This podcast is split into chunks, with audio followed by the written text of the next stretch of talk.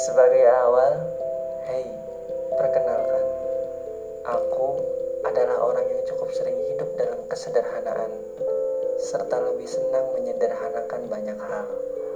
Aku adalah orang yang masih berusaha menjadi diri sendiri, berusaha mencintai diri sendiri, masih mencoba untuk keluar dari lingkaran bernama kecemasan dan insecurity.